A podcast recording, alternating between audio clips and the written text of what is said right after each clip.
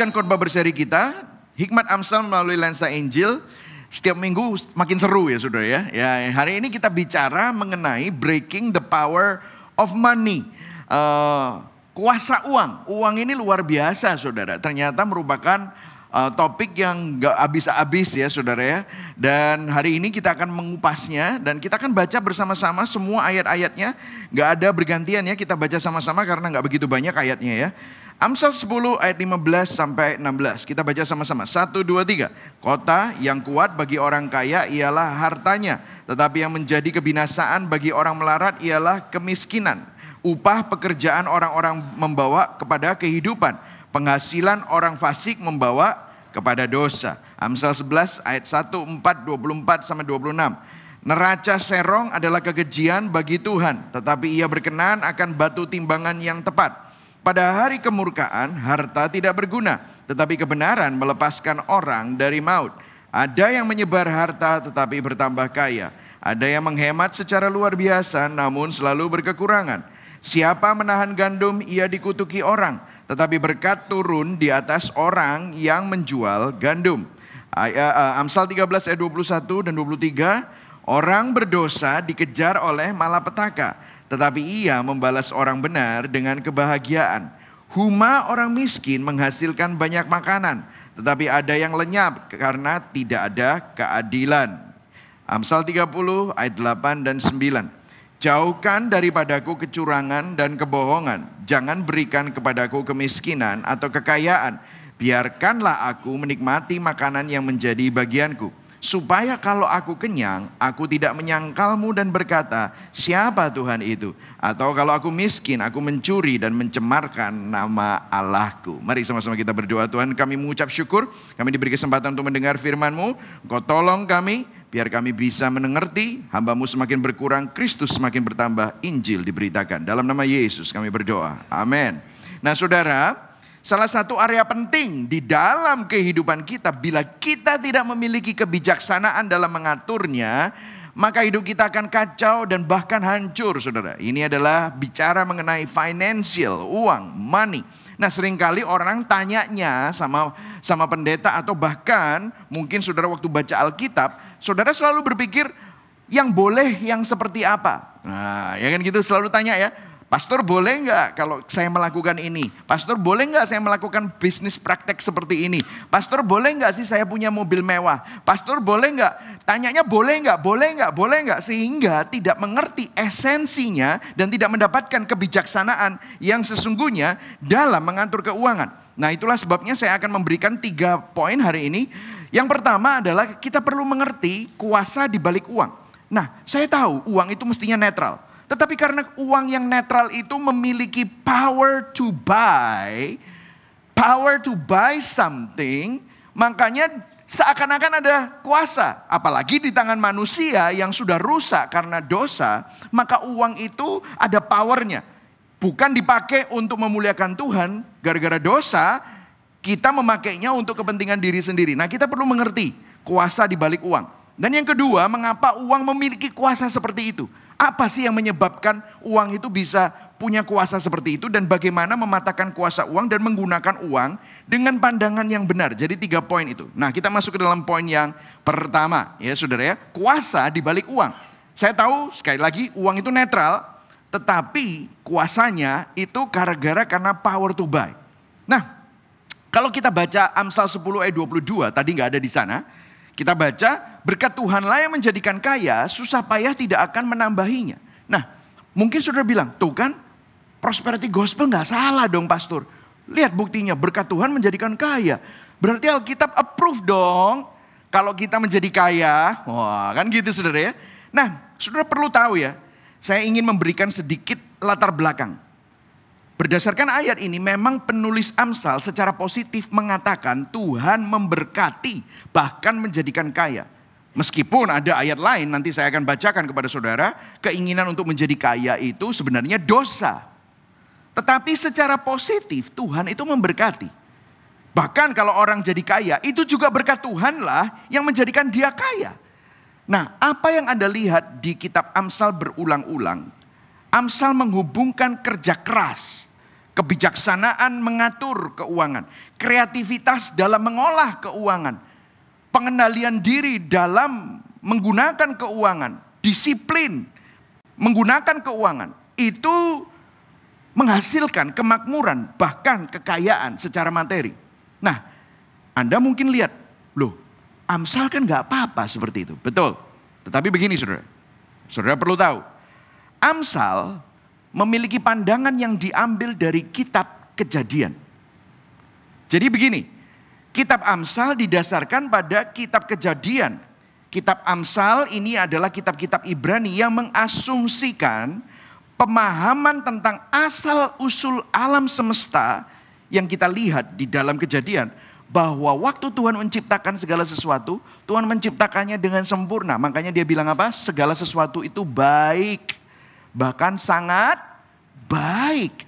Jadi waktu manusia dipercayakan kekayaan alam, waktu manusia dipercayakan kekayaan ciptaan, maka asumsi dari kitab kejadian, maka kamu itu dikasih sebuah kemakmuran oleh Allah.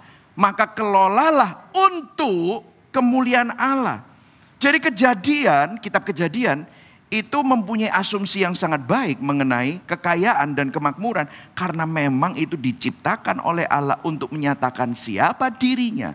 Dan supaya manusia yang diciptakan menurut gambar dan rupa Allah itu mengolah mengelola dan memberikan kembali kemuliaan itu kepada Tuhan sesuai dengan desainnya.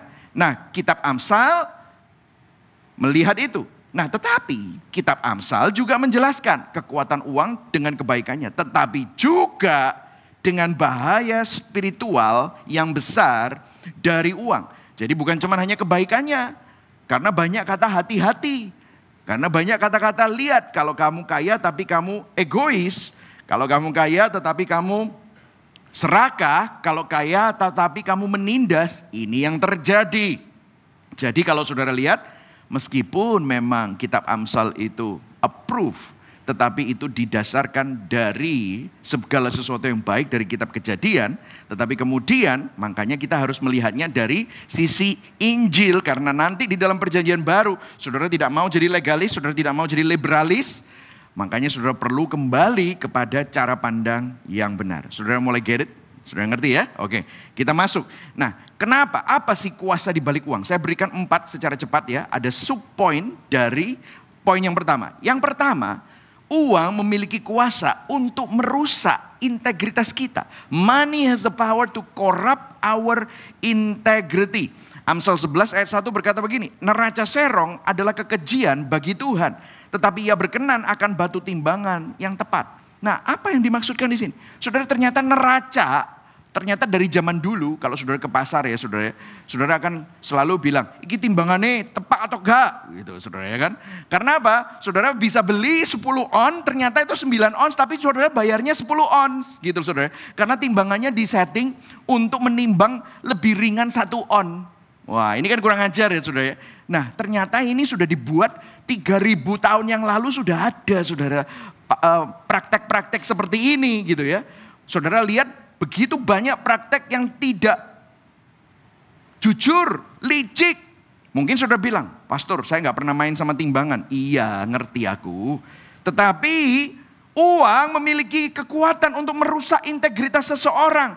Ketika kita terlibat dalam praktek bisnis yang menyembunyikan informasi kepada konsumer atau kepada investor. Anda berbohong, atau kalau enggak Anda bukan berbohong, menghiperbolakan.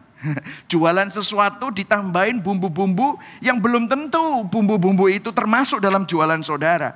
Atau mungkin saudara salah merepresentasikan sesuatu. Dan itu Anda lakukan demi sales, Anda lakukan demi komisi, Anda lakukan demi profit. Itu adalah kerusakan yang disebabkan oleh uang. Anda ke, kehilangan integritas Meskipun dulu mungkin Anda awalnya punya integritas, tetapi Anda melihat, oh mungkin jualan gini ditambahin sedikit, oh ternyata kok jualnya lebih cepat ya. Akhirnya integritas yang Anda miliki mulai terkikis-terkikis setelah setahun, dua tahun. Akhirnya Anda sudah jago bohong, Anda sudah jago sehingga apa? Anda sudah menikmati cuan-cuan dan komisi itu tersebut. Akhirnya saudara sudah tidak punya lagi integritas. Akhir-akhir ini sering ada penipuan tentang money game, ponzi scheme, berkedok investasi. Betul saudara? Berkedok robot trading. Bajunya bisa ganti. Sekarang sudah tidak ada robot trading mungkin. Sekarang crypto trading. Tetapi sama saja semua ini adalah bisnis praktik yang tidak jujur. Karena uangnya tidak diinvestasikan meskipun mereka bilang diinvestasikan tetapi uangnya diputarkan untuk mendapatkan dana segar dengan iming-iming yang luar biasa. Yang lucunya ya saudara, setiap 4-5 tahun selalu ada model kayak begini. Betul atau enggak saudara? Dan sudah tahu setiap 4-5 tahun triliunan yang masuk. Selalu banyak orang. Saya pernah ketemu sama orang yang pernah jadi korban model-model investasi bodong, model-model uh, yang ponzi scheme money game ini. Tiga kali terjebak di dalam hal yang sama. Loh kok bisa? Kok bisa? Oh, ternyata uang itu bisa selalu menggelitik kita. Meskipun kita jatuh di hal yang sama. Bisa terulang lagi gara apa? Keserakahan kita. Kita kehilangan integritas, bahkan saudara pun melihat orang-orang yang pernah jadi korban seperti itu. Malah ikutan main jadi pelakunya. Kenapa? Karena dia melihat, aku jadi korban dulu, sekarang aku belajar sekarang. Caranya nipu orang gitu saudara. Apa yang terjadi? Memang Uang itu memiliki kuasa untuk merusak integritas kita. Nah yang kedua, B. Uang memiliki kuasa untuk memperbesar kecenderungan narsisistik kita yang menghancurkan. Wah minggu lalu kita udah belajar tentang pride, narsis. Oh kita itu senang sekali untuk uh, berpusat kepada diri sendiri. Nggak usah diajarin. Semua orang itu selalu berpusat kepada sendi diri sendiri. Narcissistic. Money has the power to magnify our destructive narcissistic tendency. Nah, di Amsal 11 ayat 26 dikatakan begini. Siapa menahan gandum, ia dikutuki orang. Tetapi berkat turun di atas kepala orang yang menjualnya. Nah saudara dengarkan saya. Orang ini nggak hanya serakah, tetapi orang ini kejam. Karena begini, konteks dari ayat ini bahwa masyarakat pada saat itu sedang mengalami masa kelaparan. Pada saat kelangkaan makanan, nggak ada makanan, orang ini memiliki makanan tetapi dia menyimpannya untuk diri sendiri. Sudah pernah melihat itu? Penimbunan solar, penimbunan minyak goreng, penimbunan beras, ya sudah ya. Dalam Alkitab, Amsal ini dia bilang, ini orang seperti ini. Ini bukan cuman hanya serakah, tetapi dia psikopat. Dia senang melihat orang menderita bahkan. Dalam Alkitab dikutuk, ya kata-kata dikutuk. Ini kan tadi menahan gandum, ia dikutuki orang. Kata-kata dikutuk itu berarti kehancuran secara rohani, e, emosi, moral, fisik, dan akhirnya komunitas di sekeliling kita mengalami disintegrasi. Masyarakatnya mengalami kesusahan, keadaan yang hancur dan memprihatinkan. Jadi apa yang dikutuk Amsal? Amsal mengutuk, dengarkan saya, dengarkan. Mengutuk bisnis yang hanya cuman mengutamakan cuan. Everything is all about profit sebagai tujuan utamanya.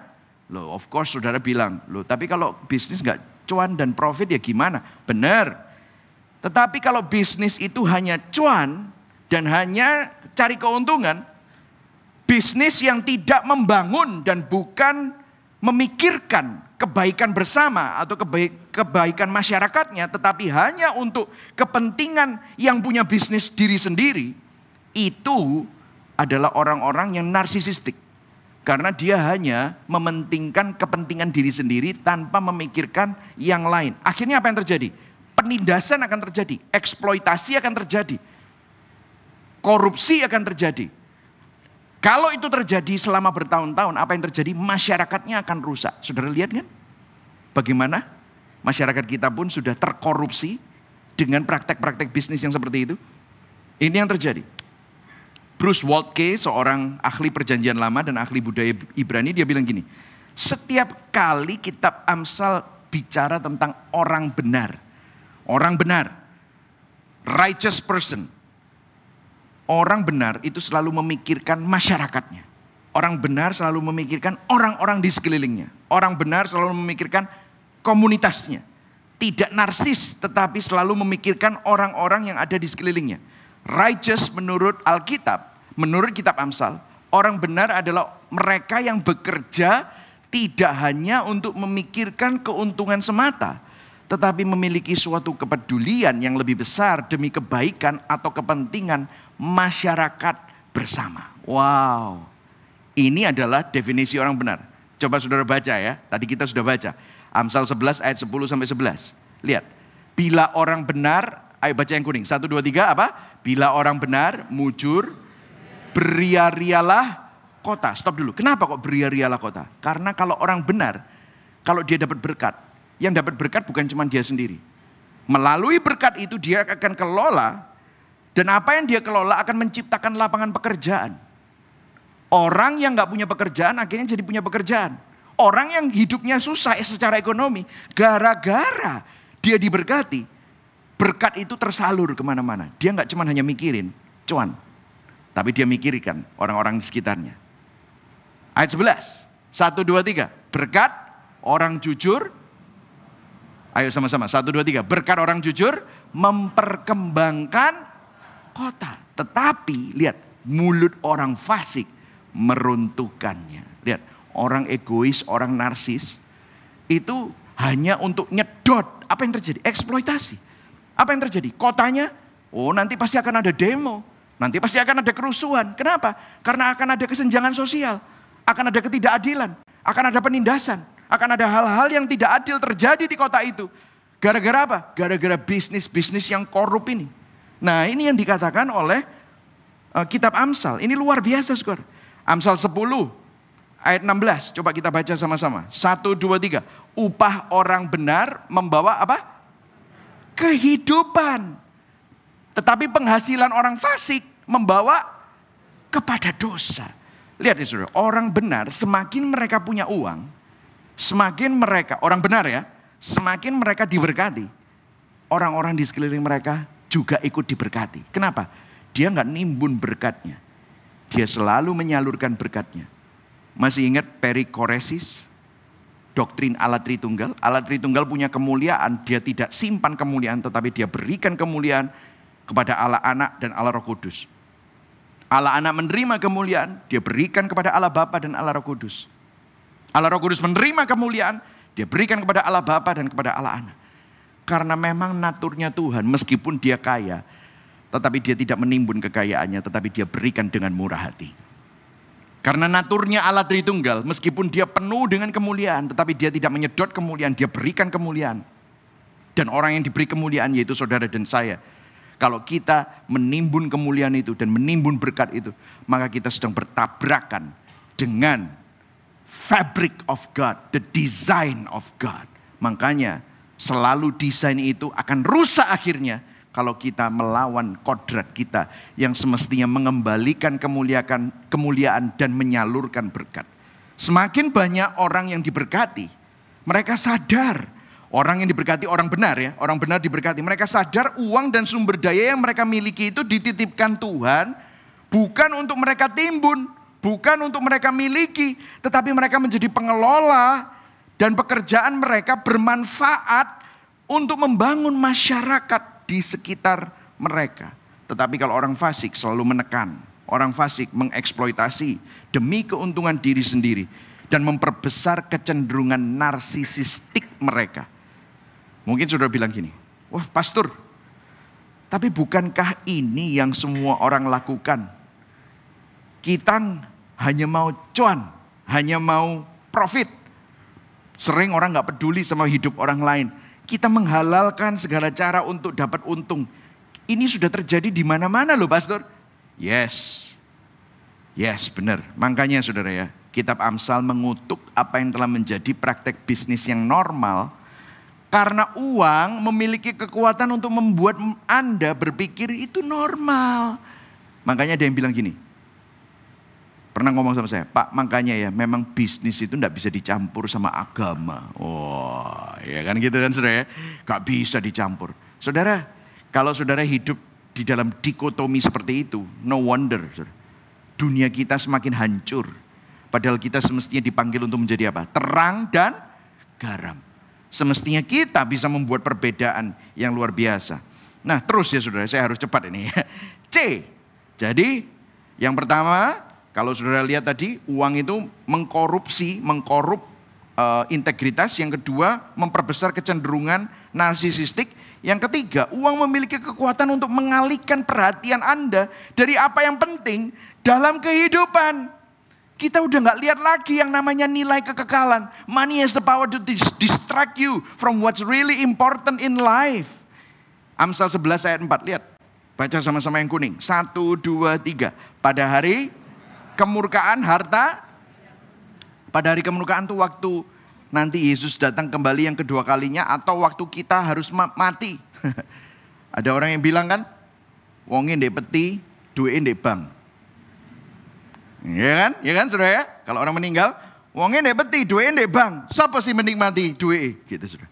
Siapa yang menikmati uh, uangnya nanti? Ya anak-anaknya, uh, suaminya, istrinya. Harta tidak berguna pada hari kemurkaan.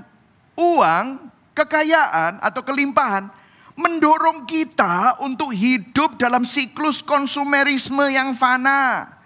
Sehingga membuat kita mengabaikan nilai kekekalan dan makna tujuan hidup yang sebenarnya. Kita itu jadi nggak ngeliat loh.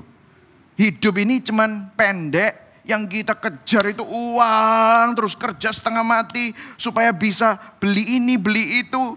Nanti kalau beli ini, beli itu kurang bagus, dijual, di-upgrade, rumahnya kurang besar, kerja banting tulang untuk dapat berapa miliar untuk supaya meter perseginya naik 100 meter, 400 meter, 500 meter. Supaya apa sih?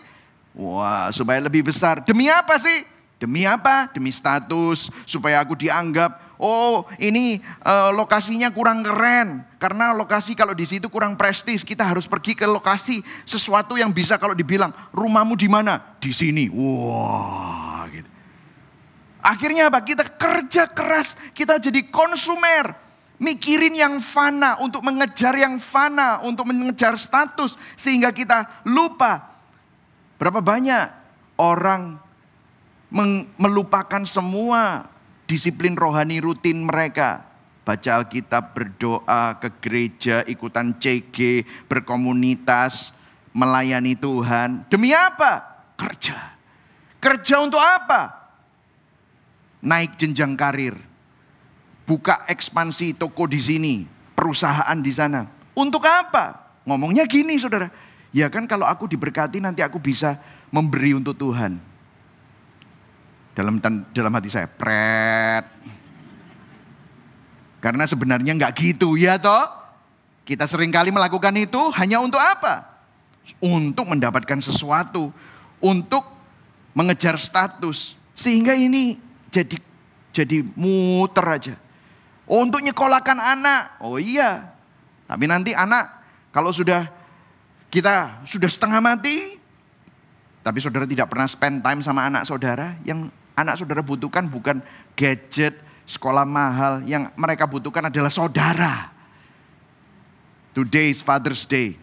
Father, saya mengucap syukur Anda menjadi seorang pemberi nafkah yang baik.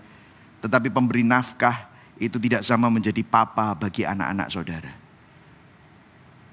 Yang mereka butuhkan bukan nafkah saudara, meskipun itu juga penting. Tetapi keberadaan saudara, your present. Sudah pernah nggak ngomong-ngomong sama anak saudara? Sudah pernah nggak spend time sama mereka? Sudah pernah nggak bicarakan hal-hal yang rohani? Sudah pernah nggak mendoakan mereka? Sudah pernah nggak bicara tentang iman saudara? Dan saudara ceritakan kenapa saudara jadi orang Kristen. Sudah pernah nggak share kesaksian Anda? Nah itu nilai kekal. Itu adalah makna tujuan hidup yang sebenarnya. Tetapi gara-gara uang. Kita lupa itu semua.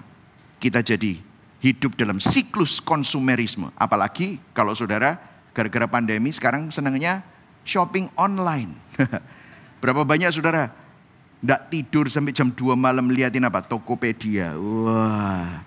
Terus beli sesuatu, sudah senang dapat ya, nyandu. Wah enak ya beli online gitu. Wah seru ya. Wah lihat review ini, review ini, review itu. Wah terus saudara seru ya. Kenapa kok saya tahu? Ya saya juga melakukan sama juga saudara. Terus habis itu apa? Saudara binge watching, Netflix. Kan gitu kan saudara. Akhirnya apa? Konsumerisme. Netflix udah habis filmnya. Mau bayar lagi apa? Bayar lagi apa? Nonton yang lain, Prime Video. Apa akhirnya saudara? Akhirnya saudara konsumerisme. Halo?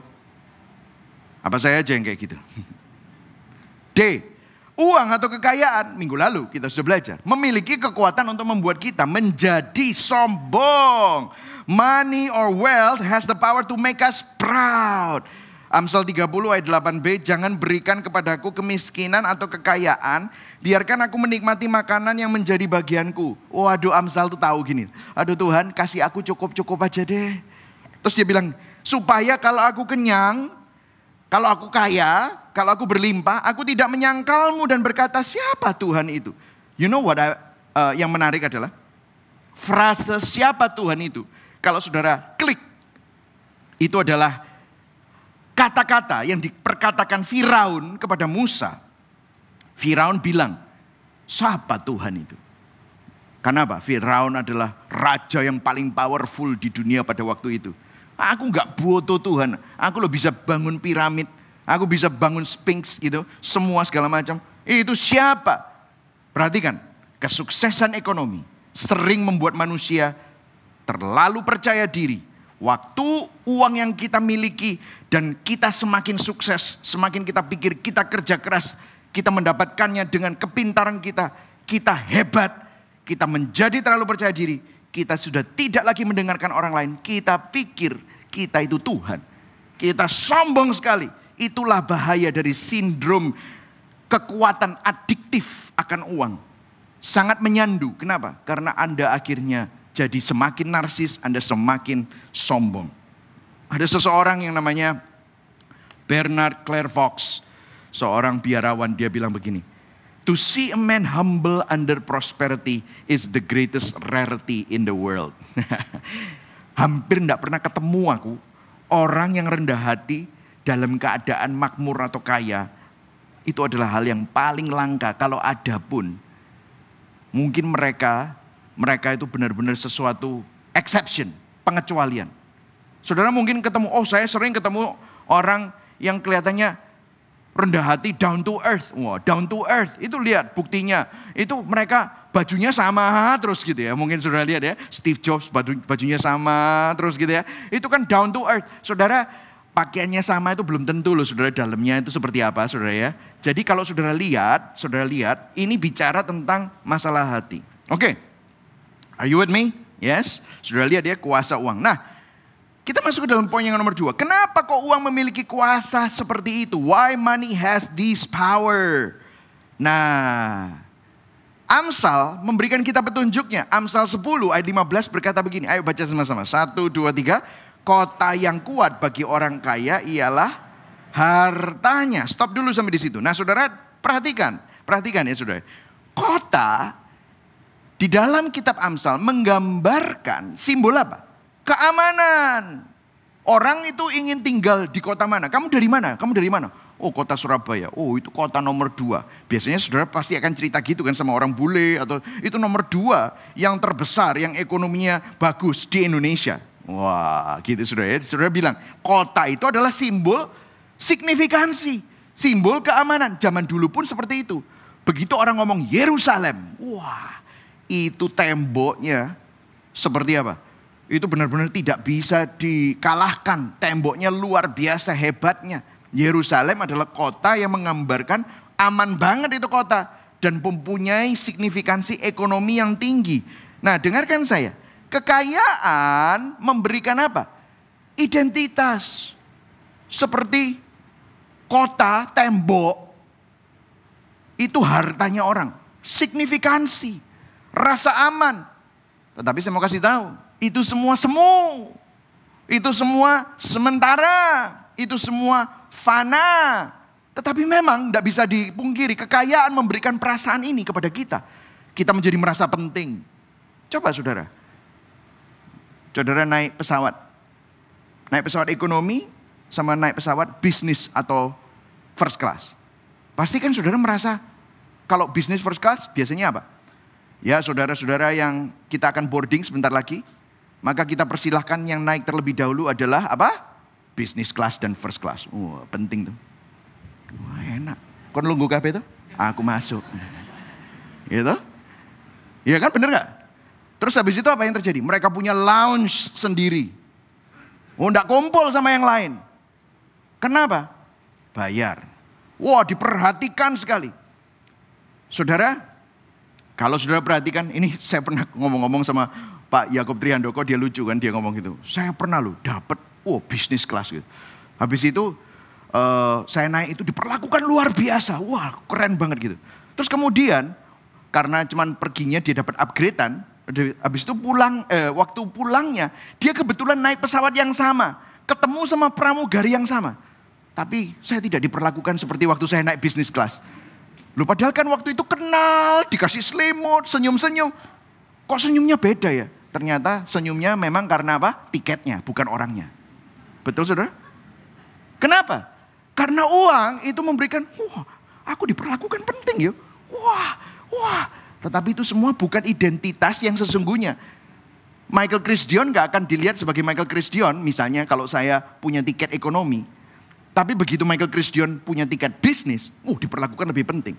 Itulah yang membuat kesemuan itu. Saudara pikir, gila gue penting banget, memang gue hebat, memang gue ciami, memang segala sesuatu tentang gue. Nah ini loh saudara, dengarkan. Itu semua semu, tetapi apa yang terjadi kalau saudara seperti itu? Saudara Matius 6 ayat 22 bilang begini. Mata adalah pelita tubuh. Jika matamu baik, teranglah seluruh tubuhmu. Jika matamu jahat, gelaplah seluruh tubuhmu. Jadi jika terang yang ada padamu itu gelap, maksudnya kalau matamu itu gelap, betapa gelapnya kegelapan itu. Terus dia ngomong apa? Ngomongin mata, tiba-tiba ngomongin mamon. Tak seorang pun dapat mengabdi kepada dua tuan, karena jika demikian ia akan membenci yang seorang dan mengasihi yang lain atau ia akan setia kepada yang seorang dan tidak mengindahkan yang lain. Ayo dibaca yang di garis bawah yang paling akhir. Satu, dua, tiga. Kamu tidak dapat mengabdi kepada... Kalau saudara melihat bahwa uang itu menjadi signifikansi kita, uang menjadi identitas kita dan rasa aman, mata saudara gelap. Saudara tidak bisa melihat secara objektif. Akhirnya apa? Saudara bilang, aku cinta Tuhan saya mau katakan lagi, katakan pret gitu sudah.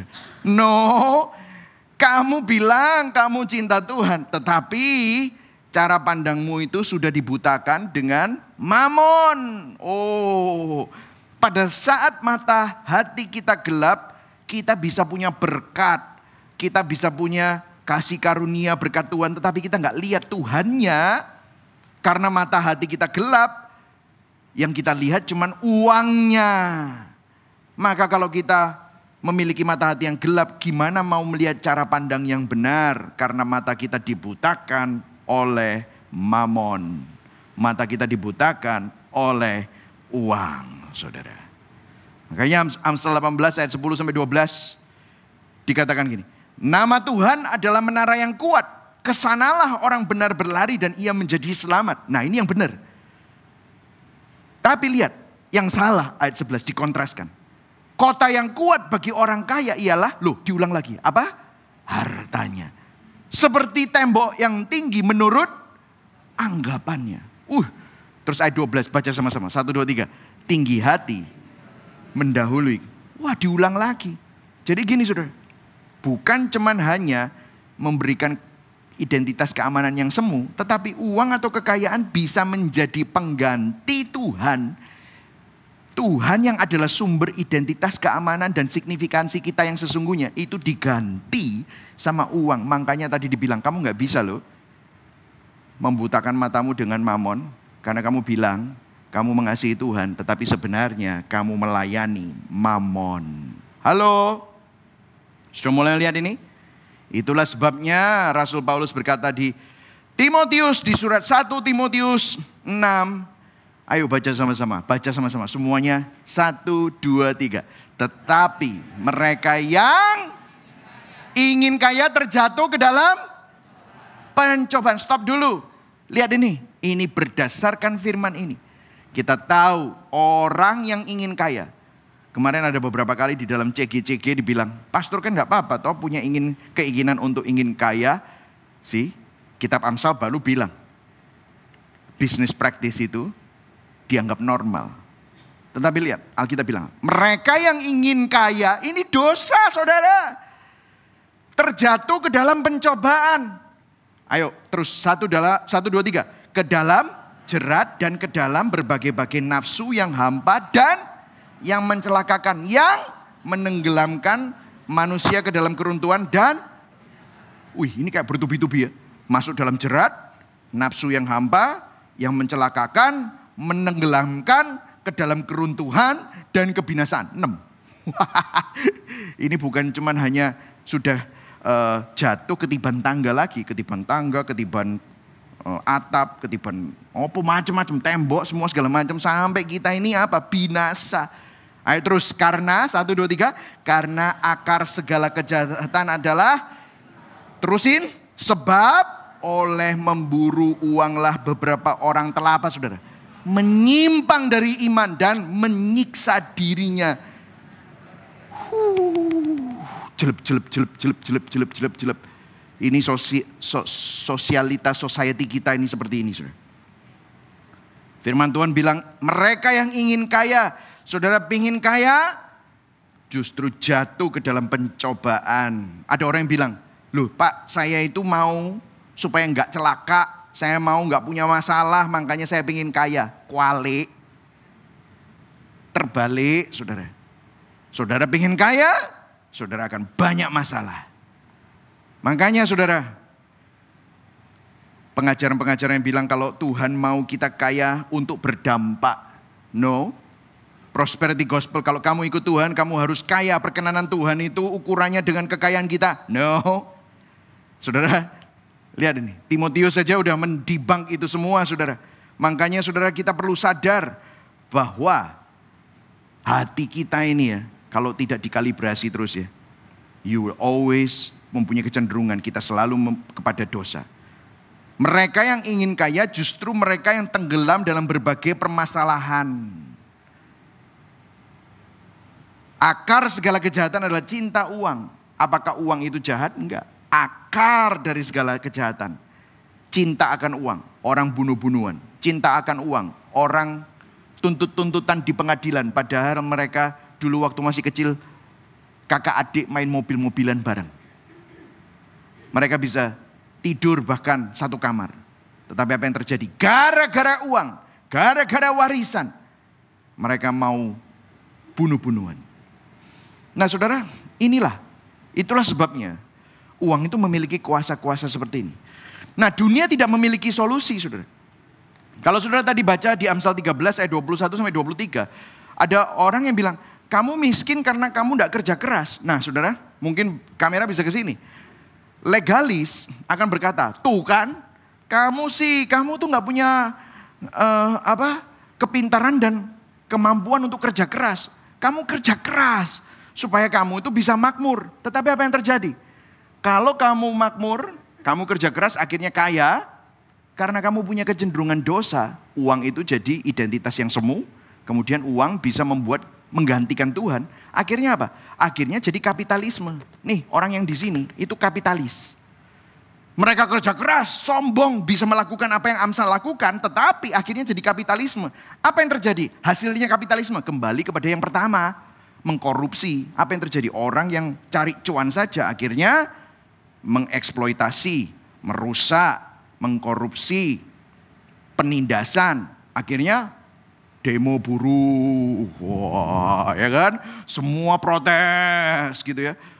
Terus ngomong sama politisinya, oh tetapi orang kapitalis politisinya diapakan?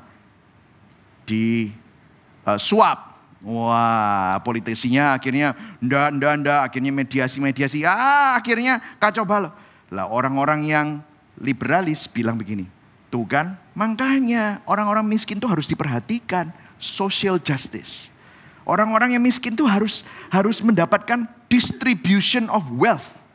Wah, penyebaran kekayaan. Kekayaan itu tidak boleh cuma dimiliki oleh beberapa orang. Wah, ini sistemnya kapitalis kan? Kapitalis ditentang, akhirnya jadi apa? Sosialis. Wah, Karl Marx distribution of wealth. Tetapi apa yang terjadi? Orang-orang yang di sini, oh aku dapat terus kok, nggak usah kerja. Akhirnya apa? Jadi malas, jadi tidak melakukan yang sesuai dengan firman Tuhan juga. Dunia menawarkan dua sistem ini. Makanya Amerika kapitalisme, China sosialisme. Tetapi keduanya tidak bisa menjadi solusi dari masalah. Di sini saudara bisa lihat. Selalu ada ketimpangan. Kenapa? Karena Nah ini loh, masalahnya uang itulah yang jadi pengganti identitas.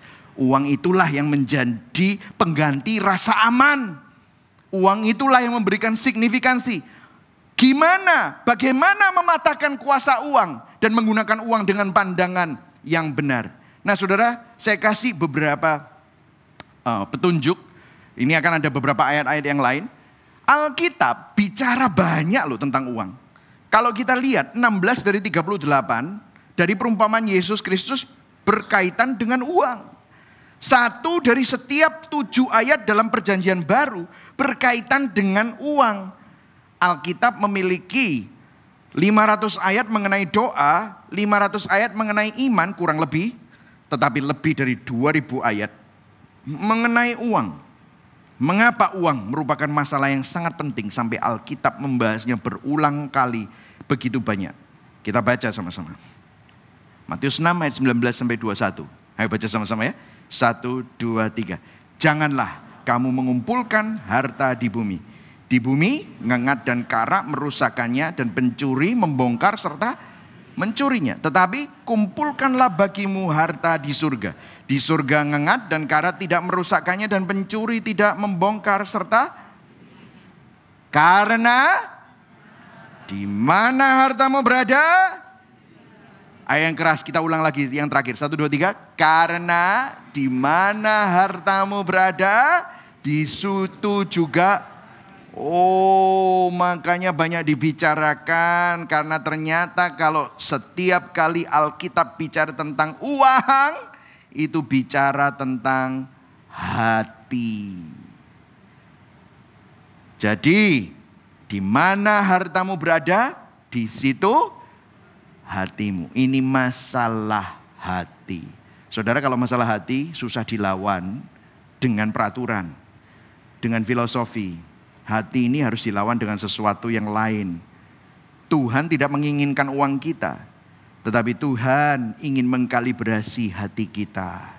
Uang memang memiliki kekuatan untuk memikat kita menjauh jauhkan hati kita daripada Tuhan. Bahkan dibilang satu-satunya kompetisinya Tuhan.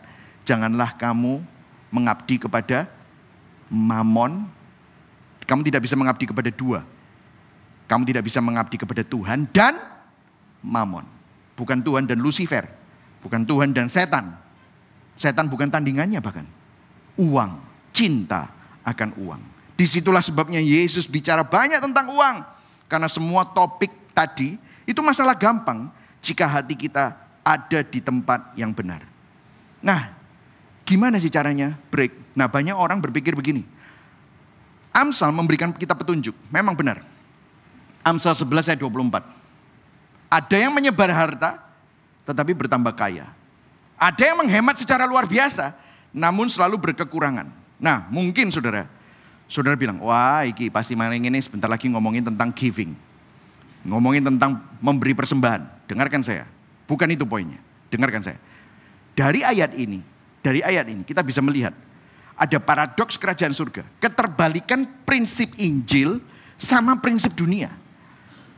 Kalau dunia, dunia bilang apa? Hemat pangkal kita semua udah tahu ya. Karena dari kecil udah diajarin seperti itu ya saudara ya. Hemat pangkal kaya, medit. Iya kan? Iya tahu saudara? ya kan? Kikir. Apa dihitungi saudara. Ditawar kalau bisa ditekan gitu kan. Itu merupakan prinsip dunia memang. Kalau bisa semuanya di, dibuat menjadi profit. Keuntungan, dicuani, dikulak. semuanya dijadikan bisnis. Nah, tetapi lihat, ada sesuatu yang aneh. Firman Tuhan juga berkata di Mazmur 112 ayat 9. Mazmur 112 ayat 9. Ayo baca sama-sama. Satu, dua, tiga. Ia membagi-bagikan ia memberikan kepada orang miskin. Kebajikannya tetap untuk selama-lamanya, tanduknya meninggi dalam Oh, ternyata maksudnya ini prinsip-prinsip ini ada orang menyebar harta tambah kaya, ada yang orang menghemat tetapi selalu kekurangan. Lihat ini. Terus ini menyebar, menyebar, ini memberi, oh tapi tambah kemuliaannya tambah tinggi. Wah, terus mungkin saudara bilang, oh ini jangan-jangan solusinya seperti ini ya. Jadi solusinya apakah gini? Prinsip menyebar untuk mendapatkan berkat. Prinsip menabur untuk menuai. Nah dengarkan saya. Ini saya mau tentang juga. Karena gini, bentuk perbuatannya bisa seperti ini. Tapi sebenarnya, kalau saudara dengarkan, Amsal tadi itu ditulis dengan asumsi, Taman Eden. Asumsi kebaikan di kitab kejadian sebelum kejatuhan. Kalau manusia nggak rusak, pikirannya kembalikan kepada kemuliaan Tuhan. Prinsip menyebar untuk mendapatkan berkat. Betul nggak? Well, kalau saudara memberi, dan saudara mikirnya gini, aku tak memberi deh kepada Tuhan perpuluhan, persembahan, buah sulung. Supaya aku dapat berkat. Kamu tetap saja melayani mamon. Lu kan kita disuruh menabur. Supaya menuai. Kamu tetap saja mementingkan dirimu sendiri. Bahkan kamu tekan orang lain di luar supaya kamu dapat cuan. Kamu kasih perpuluhan ke gereja dengan harapan yang 90% jadi 900%. Betul nggak? Itu tetap saja. Kelakuannya bisa sama. Percuma kita menyebar kalau ternyata kita menyebar untuk mendapatkan berkat untuk diri sendiri. Percuma kalau kita melakukan Menabur, kalau menabur itu untuk menuai. Kalau seperti itu maka kita, hati kita dikuasai oleh mamon. Padahal dikasih tahu tadi, mereka yang ingin kaya terjatuh dalam pencobaan. Kalau kamu mau ingin kaya bahkan di gereja. Saya bilang kepada para pendeta-pendeta, kalau saudara ingin kaya untuk melalui pekerjaan sebagai hamba Tuhan. Kita perlu bertobat.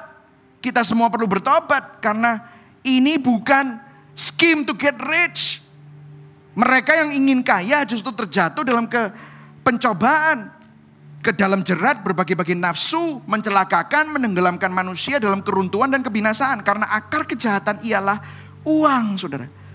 Jadi dengarkan saya, bagaimana kita mempunyai gospel motivation. Hati saudara ini loh, yang perlu diperbaharui. Nah saya akan menutupnya, saya cuma punya waktu tiga menit sudah. Saya akan menutupnya dengan ini. Rasul Paulus pernah bicara sama jemaat di Korintus dan dia memberikan contoh terhadap sebuah jemaat di Makedonia. Orang-orang di Makedonia itu miskin. Tetapi hatinya, hatinya ini luar biasa. Sedangkan orang-orang di Korintus itu makmur.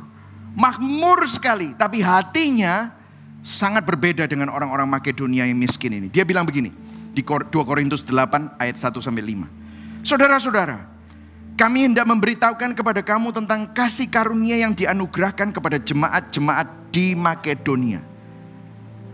Apa kasih karunianya? Selagi dicobai dengan berat dalam berbagai penderitaan, sukacita mereka meluap. Meskipun mereka sangat miskin, namun mereka kaya dalam kemurahan. Apa kemurahan itu? Dia bersaksi. Aku bersaksi bahwa mereka telah memberi menurut kemampuan mereka. Bukan jumlahnya. Bahkan melampaui kemampuan mereka. Bukan dipaksa. Bukan karena ingin menuai. Bukan. Dengan kerelaan sendiri mereka meminta dan mendesak kepada kami. Supaya mereka juga beroleh kasih karunia untuk mengambil bagian dalam pelayanan kepada orang-orang kudus. Wow. Jadi jemaat di Makedonia mensupport, memberi kepada Paulus supaya bisa membuka jemaat di tempat yang lebih makmur dari mereka. Lebih kaya dari mereka, tapi nggak apa-apa. Karena ini untuk Injil dan mereka tidak mengharapkan sesuatu kembali.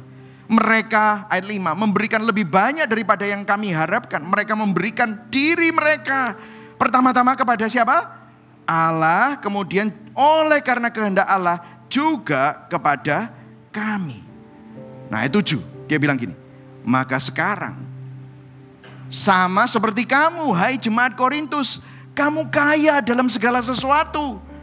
Bukan cuma kaya materi ya, iman, perkataan, pengetahuan, kesungguhan membantu dalam kasihmu terhadap kami. Demikianlah juga hendaknya kamu kaya dalam pelayanan kasih ini yang sama. Aku mengatakan hal ini bukan sebagai perintah. Sekali lagi, perintah tidak bisa men menyembuhkan hati. Melainkan dengan menunjukkan usaha-usaha orang lain untuk membantu. Aku mau menguji keikhlasan kasih kamu. Kasih itu adalah bahasa hati. Amin saudara. Kemudian dia bilang begini. Itu ayat 78. Ayat 9-nya. Lihat. Minggu lalu kita baca ini. Satu, dua, tiga baca.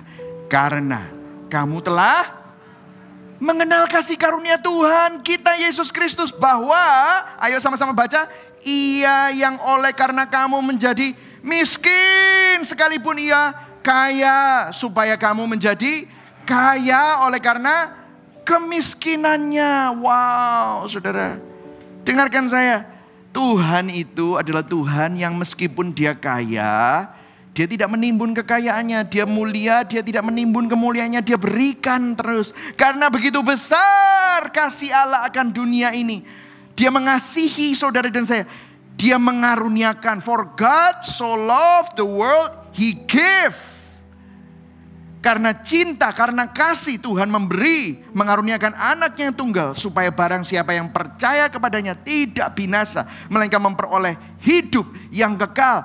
Yesus menyerahkan tubuhnya. Kalau kita dibilang nabur untuk mendapat. Sebenarnya Yesus menaburkan, dia menyebarkan, dia menyerahkan tubuhnya. Terpecah-pecahkannya demi mendapatkan apa? Saudara dan sayang demi menyelamatkan saudara dan saya. Yesus merelakan kemuliaannya menjadi hina. Demi apa? Mendapatkan saudara, menyelamatkan saudara. Yesus kehilangan kehormatannya, dipermalukan di atas kayu salib, ditelanjangi, dipukuli, dihancurkan. Demi apa? Mendapatkan saudara, menyelamatkan saudara. Yesus meninggalkan kekayaannya, menjadi miskin. Dia bukan anak saudagar kaya, dia anak tukang kayu. Dia bukan orang bangsawan, tetapi dia adalah orang biasa. Demi apa? Menyelamatkan saudara, memberikan kita berkat yang terbesar. Banyak orang berpikir berkat itu banyak duit, kutuk itu nggak ada duit. Saudara tahu menurut Injil apa itu berkat dan kutuk? Kutuk ialah hidup yang terpisah dari Allah karena dosa dan menjadi musuh Allah. Itulah kutuk dan itulah yang Yesus bayar. Itulah yang Yesus lakukan. Saudara diselamatkan dari kutuk dan dia memberikan saudara berkat bukan materi saja. Yang terlebih besar, berkat adalah sekarang saudara dan saya hidup bersama dengan Tuhan hidup beserta dengan Tuhan, berdamai dengan Tuhan di dalam Yesus Kristus. Berikan tepuk tangan buat Tuhan, karena itulah berkat yang terbesar. Berkat yang terbesar. Justru dengarkan saudara, dunia di mana segala sesuatu itu diukur oleh uang. Dunia di mana uang itu adalah kekuasaan, uang itu adalah pengaruh, uang itu menjanjikan identitas, keamanan. Justru dunia yang seperti itu adalah dunia yang kena kutuk. Dan kalau kita orang Kristen mengukur segala sesuatu dengan uang, maka kita masih ada di bawah kutuk. Tapi saudara dan saya sudah dibebaskan dari itu. Saudara dan saya hidup bersama, berdamai dengan Tuhan di dalam Yesus Kristus. Itulah sebabnya kita bisa nyanyi tadi. My wealth is in the cross. I will not boast in riches. I have no pride in gold, but I will boast in Jesus and in his name alone. My wealth is in the cross. There's nothing more I want than just to know his love. My heart is set on Christ. Kekayaan kita adalah Kristus. Kekayaan kita adalah salibnya. Kekayaan kita adalah anugerah yang kita terima. Yang begitu mahal. Biarlah kasihnya itu menata ulang kasih kita yang rusak. Biarlah kasihnya itu membuat kita terpana, terpesona. Sehingga kita melihat kasihnya lebih dari segala-galanya. Amy Carmichael, dia adalah seorang misionaris di India. You can give without loving, but you cannot love without giving. Kamu bisa memberi tanpa mengasihi. Banyak orang Kristen ngasih. Bantu orang miskin, perpuluhan. Tapi dia nggak peduli kok sama orang miskin itu. Supaya apa? Dapat berkat lagi. Dia nggak pernah mengasihi Tuhan. Dia nggak pernah mengasihi orang-orang miskin itu. Dia tidak pernah mengasihi gerejanya. Dia milih di tempat itu, dia ngasih hanya untuk apa? Dapat berkat lagi. You can give without loving. Tapi kalau kamu mengasihi Kristus, kamu bilang kamu kasih Kristus. Kamu sadar bahwa kasih Kristus itu sudah menata ulang hatimu. You will always be generous. Saudara pasti akan murah hati. Saudara pasti tidak dicengkram oleh mamon. Saudara pasti saudara akan jadi pengelola yang baik. Amin saudara. Prakteknya seperti apa? Lukas 16 ayat 10 dikatakan gini. Barang siapa setia dalam perkara kecil, ia setia dalam perkara besar. Barang setia tidak benar dalam perkara kecil, ia tidak benar dalam perkara besar. Jadi jikalau kamu tidak setia dalam hal mamon yang tidak jujur, siapa yang akan mempercayakan kepadamu harta yang sesungguhnya? Orang yang diselamatkan pasti akan jujur dalam hal yang fana sekalipun. Terus dia berkata begini, jika kamu tidak setia dalam harta orang lain, tahu saudara semua segala sesuatu itu milik Tuhan, bukan milik kita. Siapa yang akan menyerahkan hartamu sendiri, keselamatanmu sendiri nanti kepadamu. Ayat 13, seorang hamba tidak dapat mengabdi kepada dua Tuhan. Sekali lagi, diomong lagi. Kamu tidak dapat mengabdi kepada Allah dan kepada Mammon. Ada sebuah quote dari seorang namanya Helen Reservoir. I must consider that I own nothing. All is God's. What I have, I have on trust from Him to be used as He wishes. Dia seorang dokter yang mendedikasikan dirinya menjadi misionaris di Kongo, melayani banyak orang. Dia pernah diperkosa, saudara, sama orang Afrika. Tapi dia kembali ke sana untuk terus melayani mereka. Dia bilang, saya harus menganggap bahwa saya tidak memiliki apa pun. Semua yang saya miliki adalah milik Tuhan yang saya miliki dipercayakan oleh Tuhan untuk digunakan sesuai dengan keinginan Tuhan. Bagaimana dengan kita? Jadilah pengelola yang baik. Segala sesuatu yang ada di dalam hidup kita bukan milik kita, tetapi milik Tuhan. Maka jadilah penyalur berkat. Kelolalah semuanya itu, karena itu semua titipan untuk kemuliaan Tuhan. Mari sama-sama kita bangkit berdiri saudara.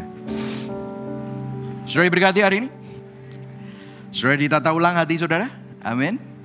Ya saya berdoa supaya saudara dapat melihat ini semua. Boleh saya kasih implikasi? Tired deh. implikasi ya saudara ya. Lihat, lihat, lihat. Karena Injil kita bukan pemilik tetapi pengelola. Katakan sama-sama, saya pengelola. Amin. Karena Injil kita bukan menimbun berkat tetapi apa? Katakan sama-sama, saya penyalur berkat Tuhan. Amin.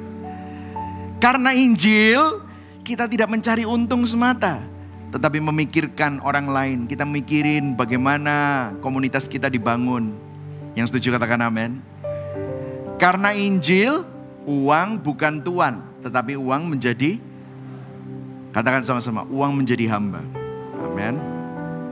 Karena Injil, kita tidak cari kekayaan materi, melainkan kekayaan rohani untuk terus kenal siapa Kristus bagi kita. Berikan tepuk tangan buat Tuhan. Amin.